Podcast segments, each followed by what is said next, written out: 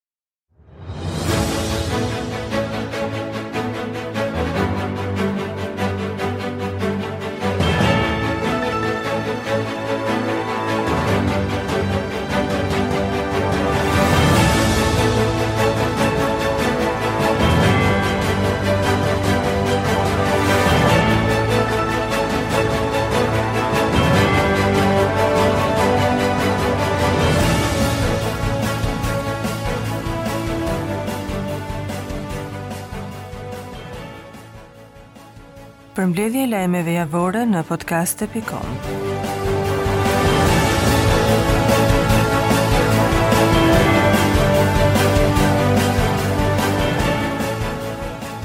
Sezoni i dimrit bashkë me temperatura të ulëta sjell reshje dëbore dhe ngrica kjo veçanërisht në zonat malore çka krijon probleme në qarkullimin e mjeteve. Autoriteti Rrugor Shqiptar ka nisur tashmë zbatimin e planit të masave për mirëmbajtjen dimërore të akseve rrugore për të garantuar një qarkullim pa probleme dhe më të sigurt të automjeteve në të gjitha segmentet rrugore në vend gjatë stinës së dimrit. Për të ndjekur nga afër masat që janë marrë lidhur me mirëmbajtjen dimërore të akseve rrugore, Ministrja e Infrastrukturës dhe Energjisë Belinda Balluku ishte në Kukës e shoqëruar nga drejtori i Autoritetit Rrugor Shqiptar Ergys Verdho dhe kryebashkiaku Safet Gjici. Ministrja e Infrastrukturës dhe Energjisë theksoi rëndësinë për të garantuar lëvizjen e lirë dhe mbi të gjitha të sigurt të automjeteve në të gjitha akset rrugore të vendit, pavarësisht kushteve të motit.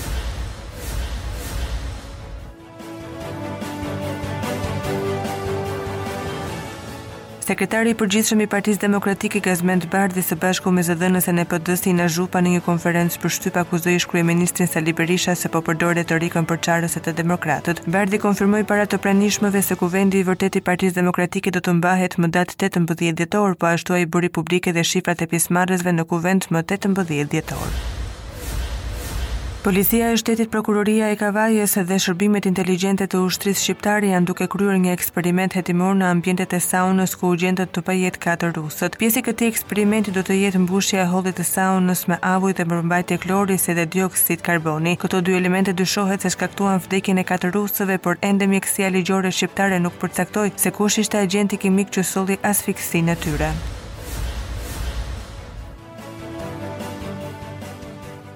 Ish-kryeministri Sali Berisha vetëm një ditë para u ka bërë thirrje demokratëve që të mblidhen nesër në Kuvendin e shumëpritur. Nesër mbahet Kuvendi i Partisë Demokratike, më të bashkuar, më të fortë, më të hapur, shkruan Berisha në Facebook. Demokratët u mblodhën në Kuvendin e konsideruar si Kuvendi i Rithemelimit të Partisë Demokratike në orën dhjetë në stadiumin Air Albania. Policia shqiptare dhe ajo italiane mbajtën një konferencë të përbashkët mbi fenomenin e kultivimit dhe trafikimit të kanabisit. Sipas tyre, ky vit kishte më shumë bimë të sekuestruara, ndërsa pati rënie njëqind për qind të lëndëve narkotike të kapura në brigjet e Italisë. Pas konferencës, drejtori i Policisë shqiptare foli dhe për testin e drogës së punonjësve. Sipas drejtorit të Policisë së Shtetit, Gledis Nano, viti aktual ka patur rënie njëqind për qind dhe zero kilogramë kanabis të kapur në brigjet italiane të dërguara në Shqipëri. Kryeministri Edi Rama dhe kryetari i Bashkisë Erion Veliaj kanë inspektuar shkollën dhe kopshtin Lasgush Poradeci, të rindërtuar në Kombinat. Rama u shpreh se shkolla ka impakt transformues në jetën e të rinjve. Lagja e re që do të ndërtohet këtu do të jetë njësoj si kjo shkollë, për nga impakti transformues i jetëve dhe familjeve që u tronditën, por edhe i gjithë jetës së komunitetit. Në fjalimin e mbajtur kryeministri Edi Rama u shpreh se do të investojë më shumë në fushën e arsimimit, duke ndihmuar brezat me infrastrukturë suplementare dhe krijimin e bibliotekave të reja. Lufta kundër korrupsionit, pandëshkueshmërisë dhe përpjekjeve për minimin e demokracisë në Ballkanin Perëndimor ka qenë fokusi i vizitës së të dërguarit të Shteteve të Bashkuara të Amerikës për Ballkanin Perëndimor, Gabriel Escobar të enjten në Shqipëri. Kështu ka njoftuar Ambasada e SHBA-së në Tiranë teksa ka bërë të ditur se Escobar ka takuar me kryeministrin Edi Rama, ministren e Jashtme Olta Xhaçka, kryetarin e Partisë Demokratike Lulzim Basha dhe udhëheqës të tjerë.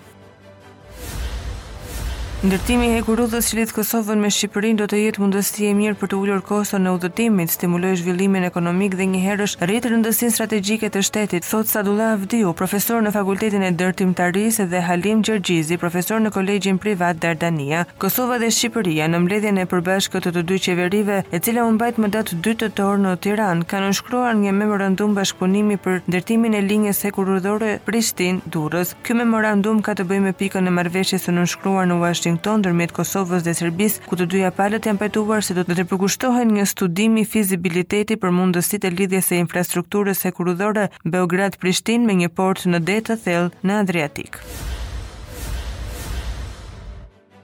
Deputeti i Partisë Demokratike Ervin Salianji është parë të hyjë në prokurorinë e posaçme SPAK. Në përfundim, në një prononcim të shkurtër për media, Salianji nuk dha detaje mbi çështjen për të cilën shkoi sot në SPAK, duke theksuar se nuk mund të ndahet me publikun.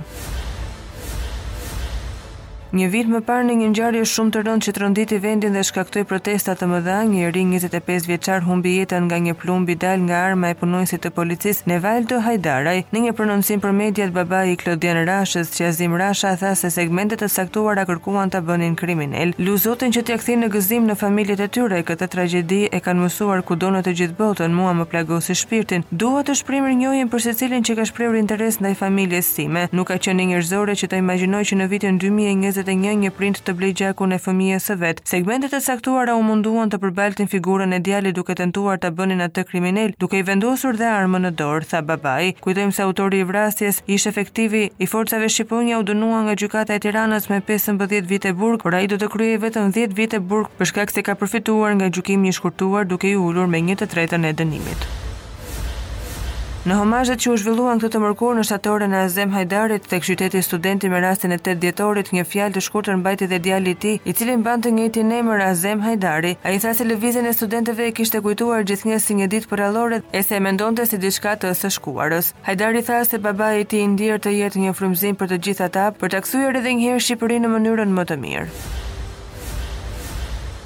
Për ditën e rinisë presidenti i vendit Ilir Meta ka zhvilluar homazhe në shtatoren e Azem Hajdarit tek qyteti Studenti. Kreu i shtetit pati një prononcim për mediat ku u pyet edhe për situatën mbi Partinë Demokratike. Edhe pse tha se aty nuk ndodhet për të marrë çështje të tilla duke ngritur të dy gishtat lart, Meta dha mesazhin e tij duke thënë, Liri, demokraci. Jo më vonë, por tani.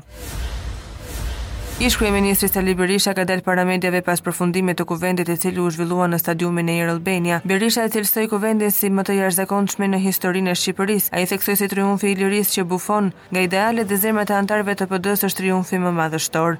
Së pari dua të përshëndes sot demokratët shqiptarë kudo që ndodhen, më e jashtëzakonshmja në historinë e lirisë së shqiptarëve në kuptimin që ky Kuvend ishte vepër e anëtarëve të lirisë së Partisë Demokratike, i pari i këtij lloji në historinë e pluralizmit në Shqipëri.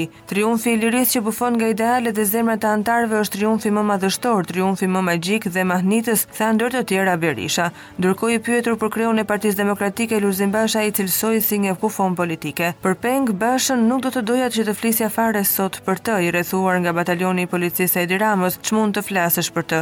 Është një kufomë politike dhe asgjë më shumë, theksoi Berisha. Ndërkohë për sa i përket marrjes së selisë blu, Berisha tha, Selia e demokratëve është ajo që ndodhet aty dhe ku do të shkojmë absolutisht në momentin më të parë që do të vendosim. Nuk është selia e pengjeve rrethuar nga blindet dhe bandat e Edi Ramës. Ramës i them hiq dorë nga çdo lloj përpjekje për të garantuar mbijetesën e pengut tënd sepse në mënyrë absolute ky revolucion do të kthehet tek ti.